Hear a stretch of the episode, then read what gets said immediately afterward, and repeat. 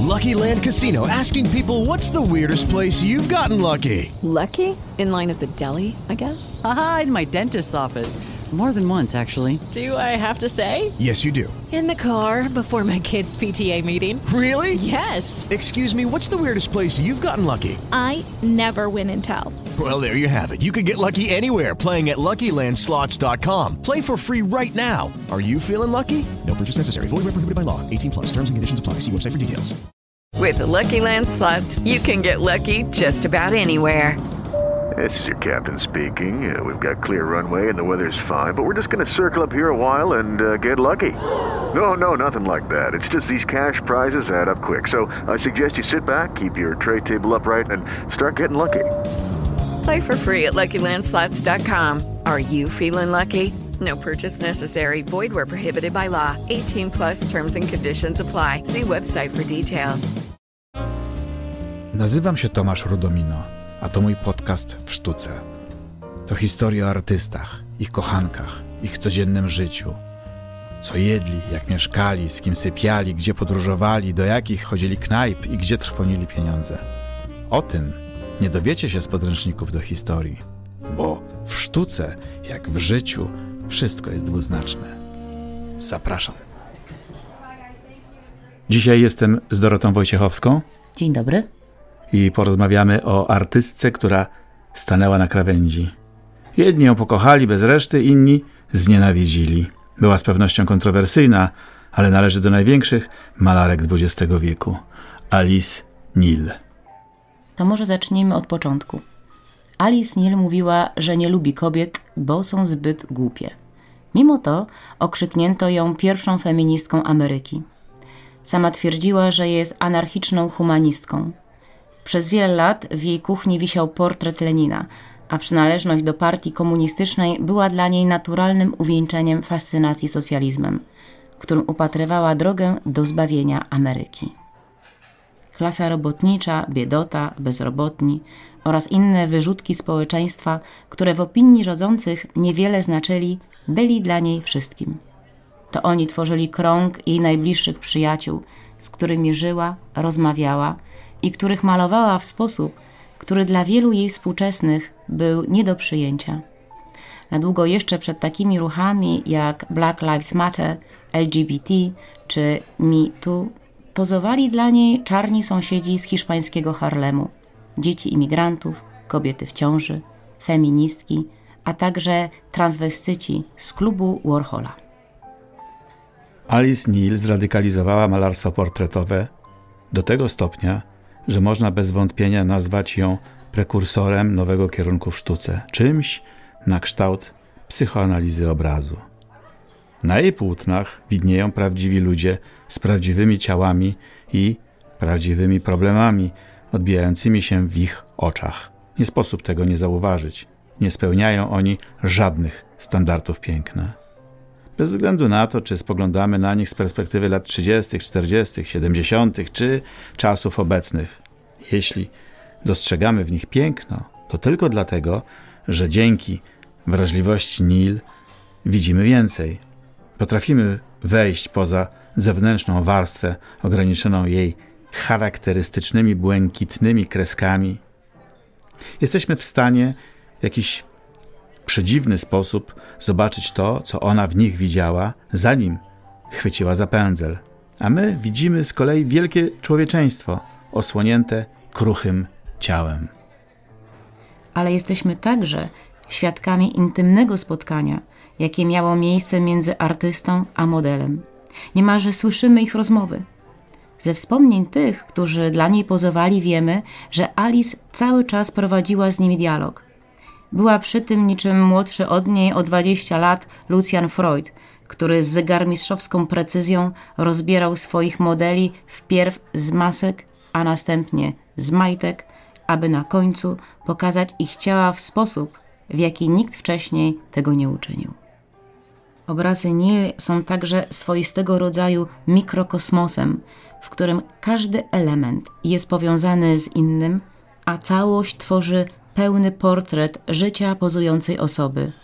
Każdy ruch pędzla jest precyzyjny i postawiony w taki sposób, aby na płótnie zawrzeć uczucia i myśli modela, a także to, co on czuje, kiedy stoi twarzą w twarz z artystą. Benny Andrews, który pozował dla Neil, twierdził, że Alice spoglądała na niego z siłą rentgena, wydobywając z niego wszystko to, co stanowiło o nim samym.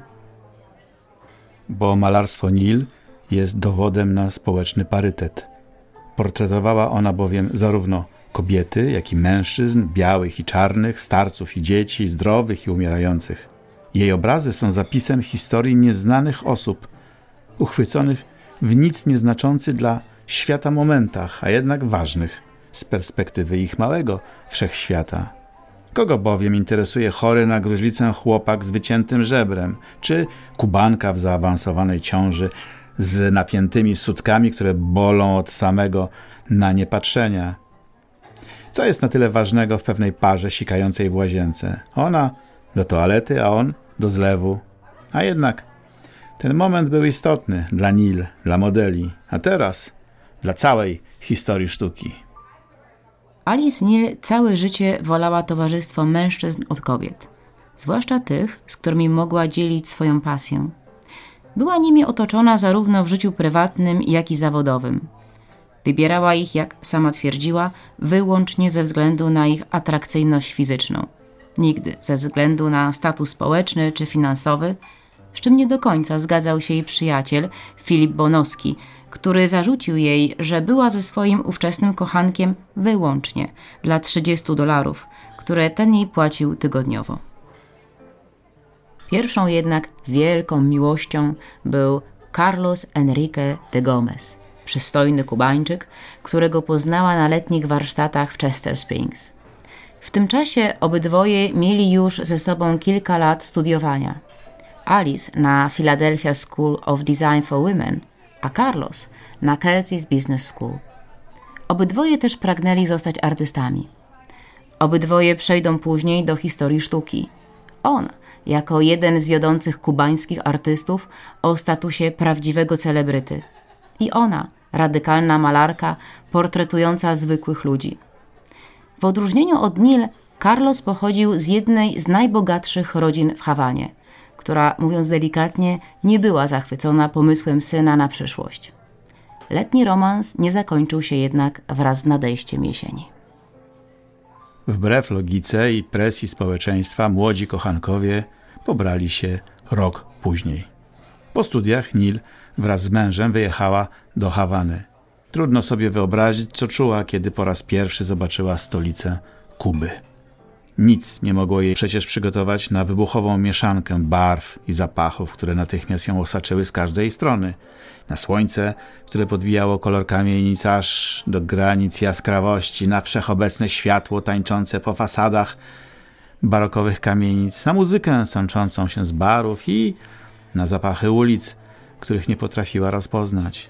W Hawanie kolory są bowiem wszędzie. Na budynkach, będących świadkami historii miasta, na owocach leżących na straganach, na ubraniach i w oczach kubanek, które Alice Neal będzie próbowała uwiecznić na swoich obrazach.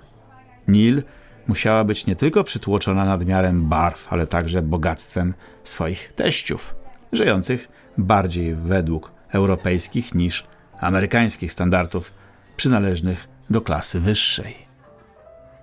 Hawana, co ciekawe, przez wieki była miastem bez kobiet.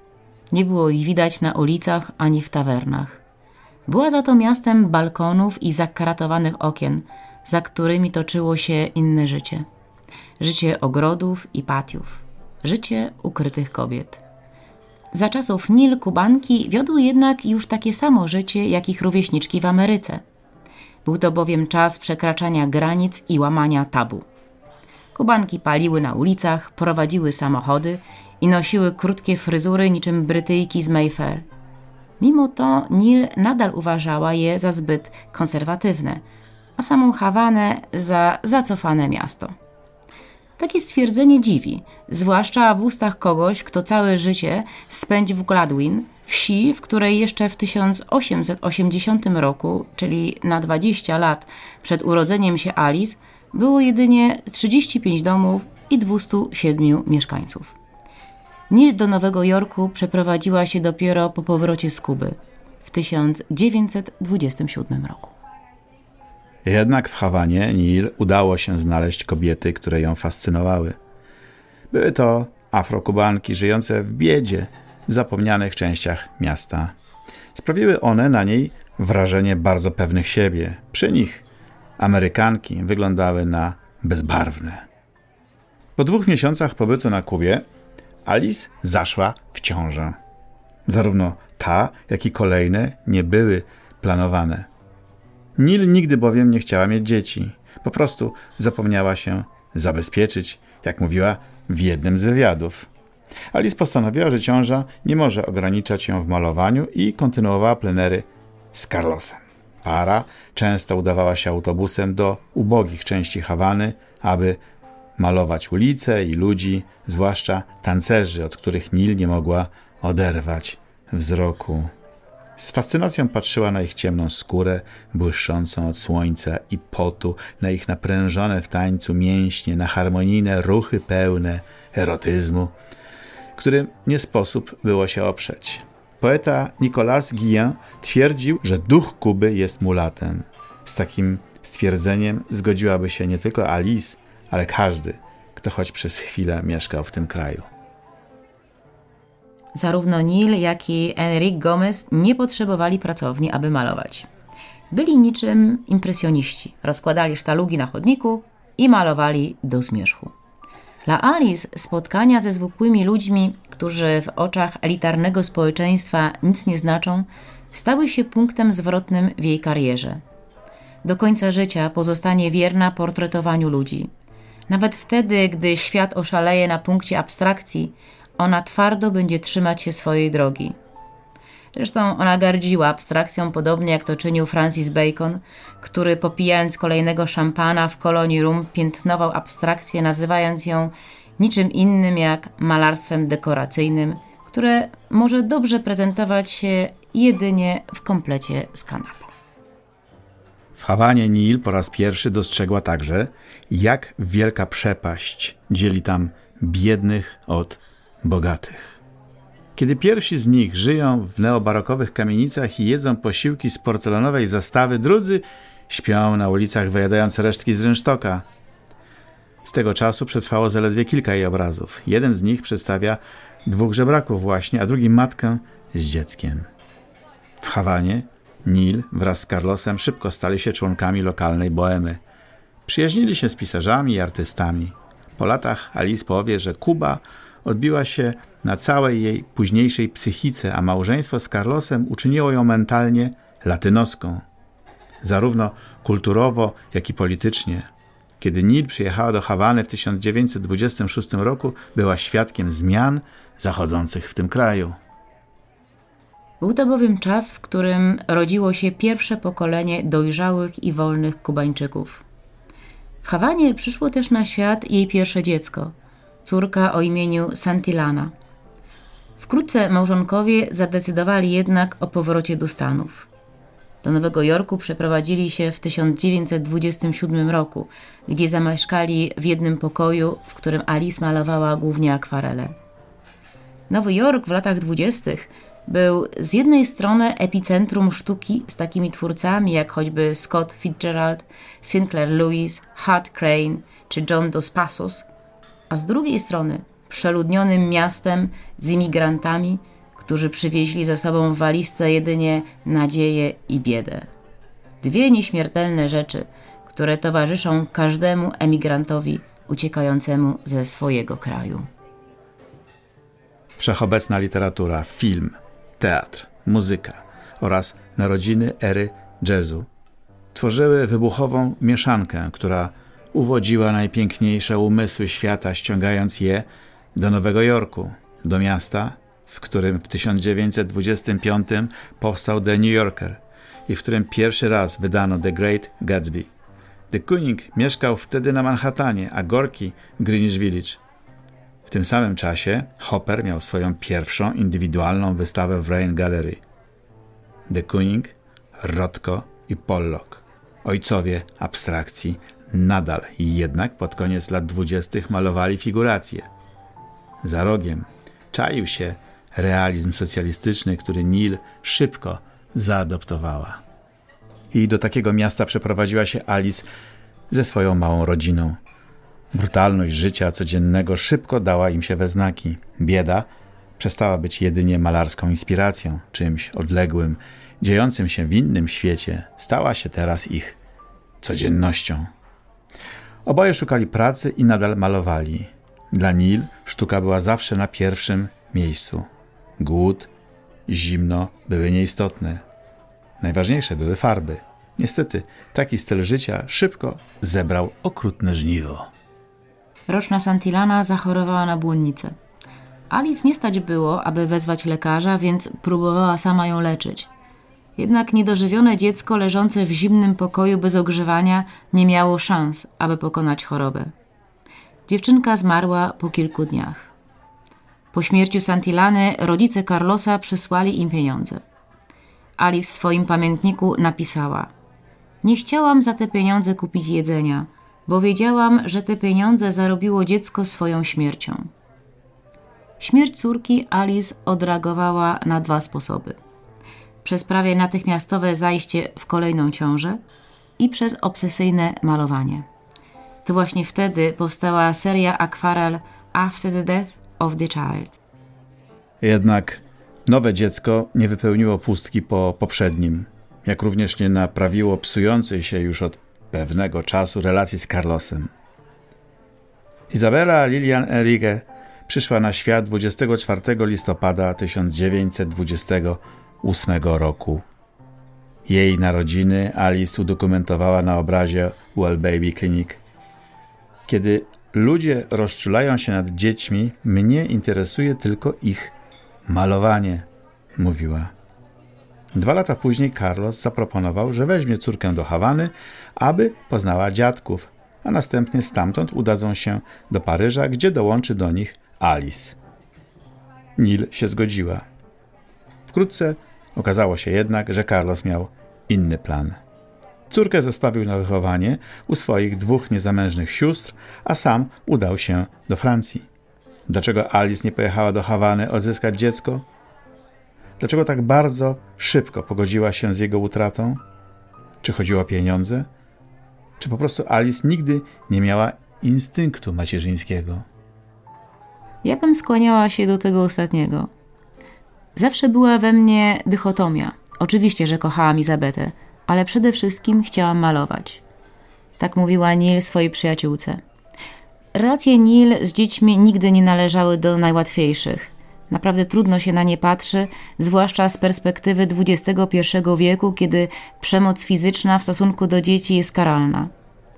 Nie sposób do końca zrozumieć kobiety, która z taką wrażliwością patrzyła na obcych ludzi, a jednocześnie była zupełnie ślepa na cierpienie własnego syna Richarda, który przez całe swoje dzieciństwo był fizycznie maltretowany przez sama, wczesnego kochanka Alice. Jak to możliwe, że nie widziała siniaków na ciele syna, że nie słyszała obelg rzucanych pod jego adresem, że nie dochodził do niej krzyk chłopca zamkniętego za karę w ciemnej łazience? To, czego doświadczył ten mały, niepełnosprawny dzieciak, trudno opisać i jeszcze chyba trudniej zrozumieć. Bo jakie słowa mogą oddać strach i ból syna atakowanego przez dorosłego mężczyznę? Jak można uleczyć siniaki na duszy, na której przecież nie można przelepić plastra? Co wtedy robiła Alice? Nic. Milczała, malowała, żyła w swoim świecie. Gdyby żyła dzisiaj, opieka społeczna prawdopodobnie pozbawiłaby ją praw rodzicielskich. Po odejściu Izabety i Carlosa Nil została sama w Nowym Jorku. Wpadła w histerię, miała nieustanne myśli samobójcze. W końcu doprowadziły ją do podjęcia dwóch prób odebrania sobie życia. Gdybym tylko miała 500 dolarów, nigdy bym nie miała żadnego załamania nerwowego, powiedziała po latach w jednym z wywiadów. Nil doświadczyła swoistego rodzaju depresji, która niczym duchowa zima zamraża wszystko uczucia, myśli, czynności, otacza człowieka niewidzialnym lodowatym murem, za którym płonie ogień rozpaczy. Alice miała skłonności samobójcze przez całe życie, ale nigdy więcej nie próbowała już się zabić. Doświadczenie życia na Kubie uruchomiło w niej radykalizm, a pobyt w szpitalu psychiatrycznym, do którego trafiła w latach 30., dał jej głębokie zrozumienie wrażliwości i kruchości ludzkiej psyche. Jednocześnie wybuch Wielkiej Depresji skierował jej myśli w stronę społecznego sumienia, które nie może pozostać obojętne wobec losu tysięcy robotników. W 1935 roku Alice została objęta rządowym programem WPA Works Progress Administration, wprowadzonym przez rząd Roosevelta, aby stymulować ekonomię wychodzącego z recesji kraju oraz aby wspomóc bezrobotnych artystów. Raz w tygodniu musiała dostarczyć określoną liczbę obrazów lub rysunków, za które dostawała wynagrodzenie. WPA nie narzucała tematu prac, ale nie akceptowała aktów. Programem tym objęty został również Jackson Pollock, Mark Rothko, Ad Reinhardt czy Milton Avery. W tym samym czasie Alice dołączyła oficjalnie do partii komunistycznej, rozczytując się w marksizmie i wieszając na ścianie portret Włodzimierza Lenina. W tamtym czasie większość artystów flirtowało z komunizmem. Sztuka była pod jego głębokim wpływem. Dla Nil było to jeszcze coś więcej. Marksizm dał jej możliwość wypowiadania się. Alice była nie tylko artystką, ale i kobietą, i to w dodatku kobietą upadłą, niezamężną, mającą kochanków i nieślubne dzieci. Przez społeczeństwo była odrzucona, przez komunistów akceptowana. Jej styl portretowania zwykłych ludzi oraz robotników był dla komunistów idealnym narzędziem propagandowym. Przeciętni ludzie, pochodzący z różnych środowisk, namalowani w prosty sposób. Czy może być coś bardziej odpowiedniego dla propagandowych ulotek? Zaangażowanie Neil w działalność partii komunistycznej nie przeszło niezauważonym przez FBI, które pewnego dnia wysłało do jej mieszkania dwóch agentów. Alice nie przestała jednak ani malować, ani wierzyć w komunizm. Prowadziła życie takie, jakie chciała. Miała kochanków, których sama sobie wybierała. Otaczała się ludźmi, z którymi czuła się dobrze. Byli to przeważnie jej sąsiedzi, dzielący podobny jak i ona los ubogich mieszkańców Nowego Jorku. Relacja z żonatym Johnem Rothschildem trwała przez wiele lat, ale nigdy nie przerodziła się w prawdziwy związek. Alice bowiem nigdy go nie kochała, a przynajmniej nie w ten sposób, w jaki on kochał ją. Był dla niej bardziej przyjacielem, na którego zrozumienie mogła liczyć oraz żywą książeczkę czekową, gotową wspomóc ją finansowo bez zadawania zbędnych pytań. Wiele razy John wyciągał ją z tarapatów i stawiał na nogi. Był też jej pierwszym promotorem, nieustannie szukającym dla niej pracy i walczącym o to, aby ktoś w końcu dostrzegł jej talent. On sam był wręcz zahipnotyzowany jej pracami. Robił wszystko, aby znaleźć osoby, które chciałyby pozować, a następnie kupić swój portret. Jego celem było znalezienie jednego chętnego tygodniowo. Ideałem byłoby znalezienie zamożnego patrona, ale to się Johnowi nigdy nie udało. Toksyczna relacja z uzależnionym od narkotyków Kenneth Doolittle zakończyła się swoistym holokaustem, kiedy to zniszczył prawie wszystkie prace artystki, 60 płócien, ponad 200 rysunków i akwareli spłonęło jednego dnia. Dla Nil, która rozpaczała po utracie nawet najmniejszej i nic nieznaczącej rzeczy, utrata dorobku życia była prawdziwą klęską. Po rozstaniu z Doolittle, Nil przeprowadziła się do Greenwich Village, która od 1912 roku była uznawana za epicentrum i stolicę amerykańskiej boemy. Była też synonimem sprzeciwu wobec panującej polityki, wobec moralności i wobec ustalonego porządku przez elity sprawujące władzę. Z drugiej strony, już wtedy ta część Nowego Jorku była turystyczną atrakcją i karykaturą samej siebie. Kiedy Alice zamieszkała w Greenwich Village, dołączyła do wielu znanych nazwisk, które właśnie tam się osiedlili. Byli wśród nich pisarze, malarze i poeci. Wiele ruchów, takich jak choćby socjalizm, feminizm, pacyfizm, marksizm czy ekspresjonizm abstrakcyjny znalazło tutaj podatny grunt dla rozwijania swojej społecznej czy artystycznej idei. Niemal każdy amerykański pisarz mieszkał przez pewien czas w Greenwich. Jack London, Edgar Allan Poe, Walt Whitman, Allen Ginsberg to tylko kilka nazwisk. Prohibicja zakończyła się w grudniu 1933 roku, więc lokalne bary pełne były alkoholików. Mieszkanie Alice znajdowało się blisko dwóch kultowych miejsc. Pierwszym z nich była kawiarnia w Brevoort Hotel, słynąca ze spotkań radykałów, a drugim otwarta w 1933 roku Stewart's Cafeteria, której spotykały się lokalne lesbijki, geje oraz artyści. Joe Gould, naczelny Don Quixote i pisarz Greenwich, którego Nils portretowała z kilkoma penisami, mówił z ubolewaniem w głosie, że w Stewart's artyści zamiast rozmawiać o sztuce, dyskutują teraz o Leninie i Trockim. Wspomniany portret Goulda był na tyle szokujący dla współczesnych, że nie został pokazany publicznie przez 30 lat. Sam Joe uważał go za dzieło doskonałe. Był pewien, że kiedyś zawiśnie ono w MoMA. I nie pomylił się. José Santiago Negron poznała w klubie. Miała na sobie wtedy srebrną sukienkę, prezent od Johna. On grał na gitarze i według Alice roztaczał wokół siebie przysiągnięty erotyzmem czar. Jose za dnia sprzedawał wodę sodową, a wieczorami dorabiał grając na gitarze w barach i nocnych klubach.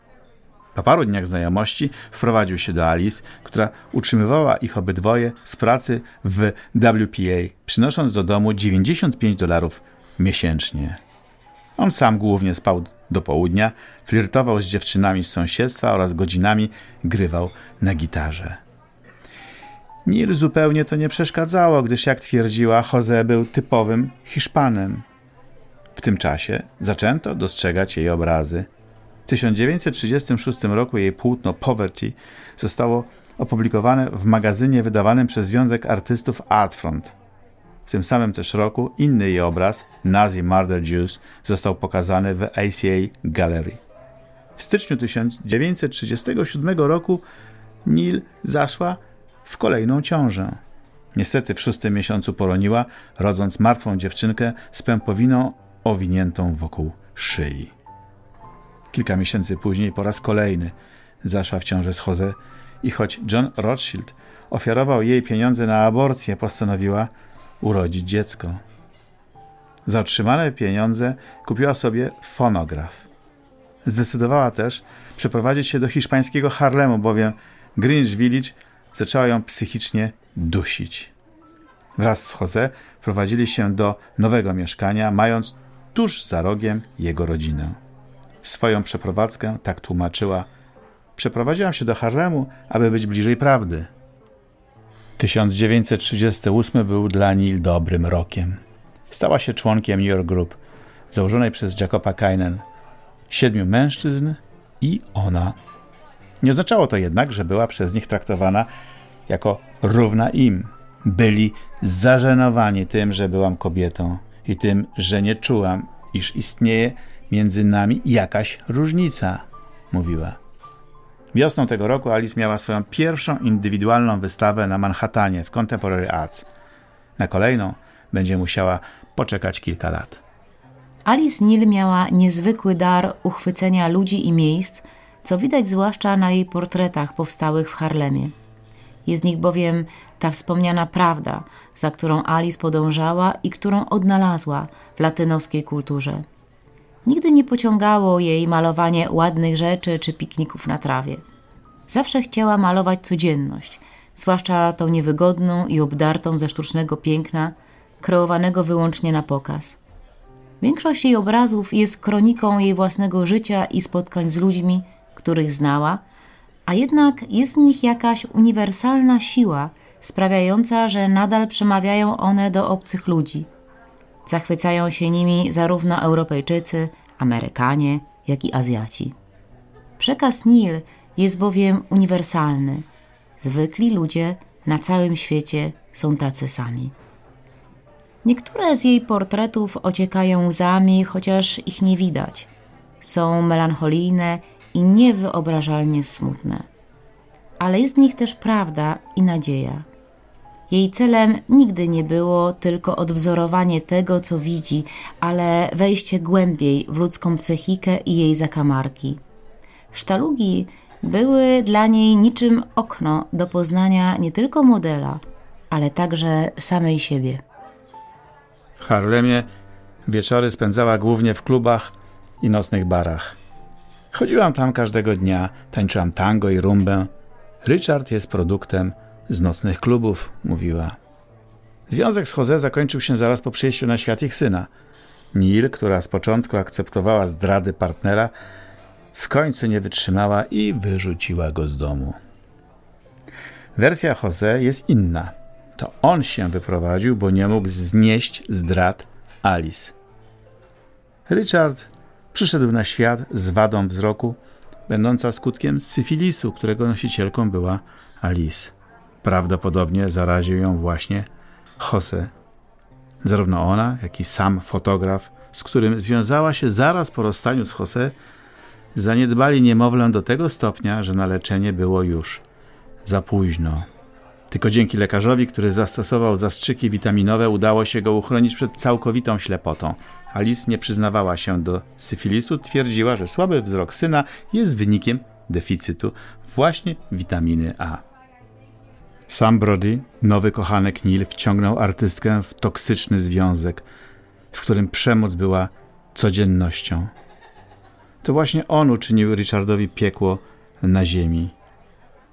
Przez lata znęcał się nad nim fizycznie i psychicznie.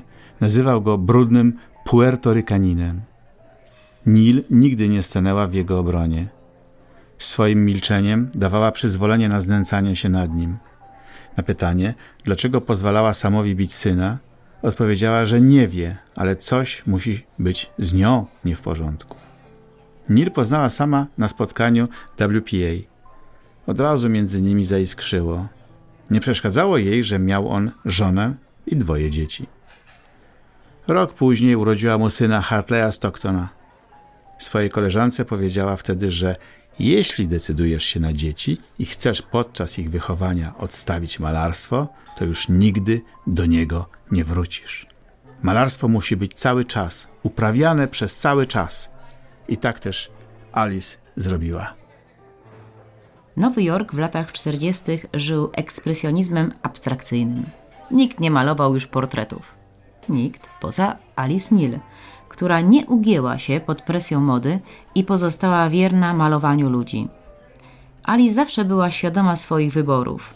Miała co prawda za sobą flirt z surrealizmem, ale jak każdy flirt i ten nie trwał długo. Żadna z nowojorskich galerii nie chciała w tym czasie jej wystawiać, twierdząc, że maluje po staroświecku. W jednym z wywiadów powiedziała, że jest przeciwko abstrakcji i niefiguratywnej sztuce, ponieważ tego rodzaju malarstwo eliminuje ludzi i jest skazane na upadek. Rembrandt i Tycjan dali nam cały wszechświat ludzkich portretów. Tymczasem sztuka współczesna nadaje się wyłącznie na tapety. Alice nie potrafiła cieszyć się spokojnym i poukładanym życiem. Nakręcały ją jedynie dramaty i tragedie. Wtedy dopiero czuła, że żyje. Kiedy wszystko szło sprawnie, wpadała w furię. Potrafiła wrzeszczeć na dzieci przy kolacji tylko dlatego, że nie mogła znieść ciszy. Wszczynała więc awantury tylko po to, aby podnieść sobie poziom adrenaliny. W stosunku do osób, które chwaliły jej pracę, była bezkrytyczna.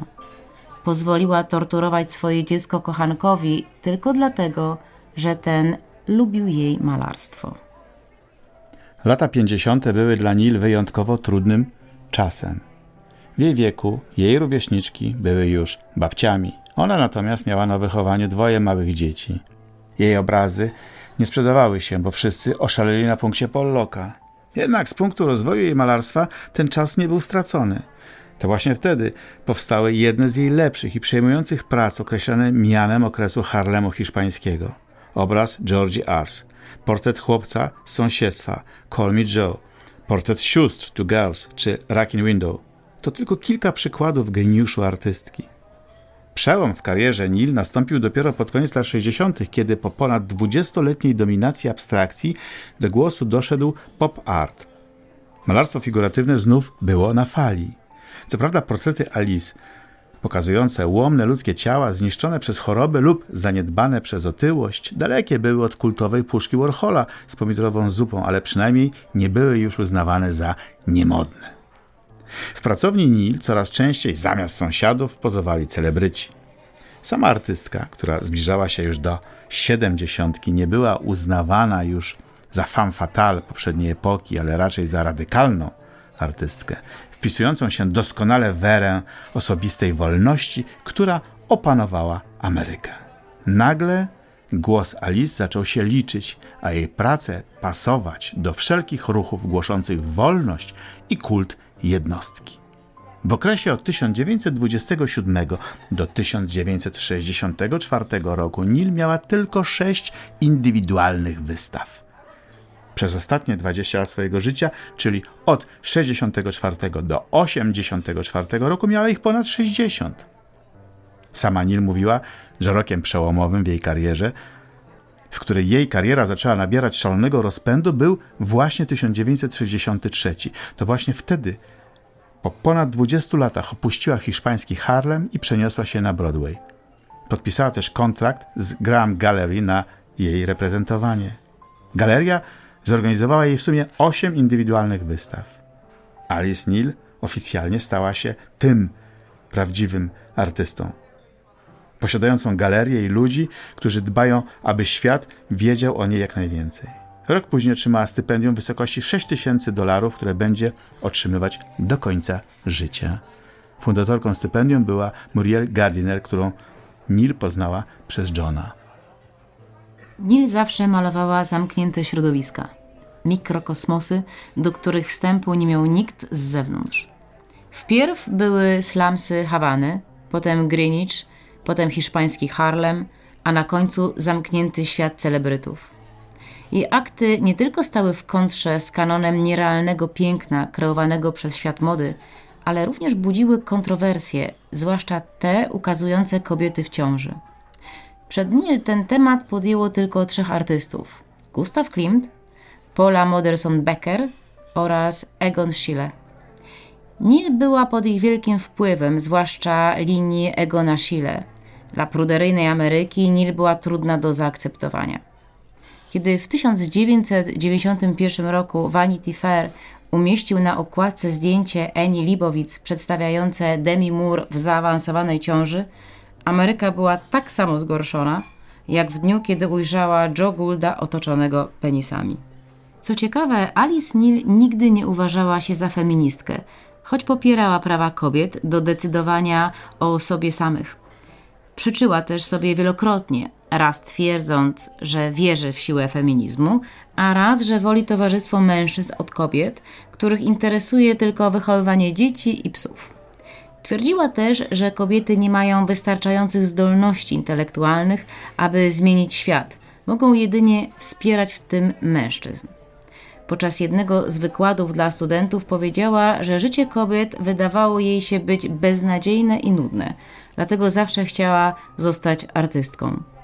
Niejednokrotnie sama doświadczyła dyskryminacji ze strony kolegów artystów, co jednak nie przeszkodziło jej w tworzeniu wielkiej sztuki. Zaciekle broniła tezy, że nie ma czegoś takiego jak żeńska i męska sztuka. Bo jest tylko dobra sztuka lub zła. Alice Neal, twarz wielu feministycznych pamfletów, była antyfeministką nieznoszącą wszystkiego, co kobiece. Była męskim szowinistą, ukrytym pod kobiecym ciałem. Wielką malarką, która potrafiła przenieść całe życie modela na 60-centymetrowe płótno. I to tyle na dziś o malarstwie Alice Neal. Jeżeli podobał Wam się ten podcast, to zapraszamy do wysłuchania kolejnych, a także do czytania naszych artykułów na portalu sztuce.net.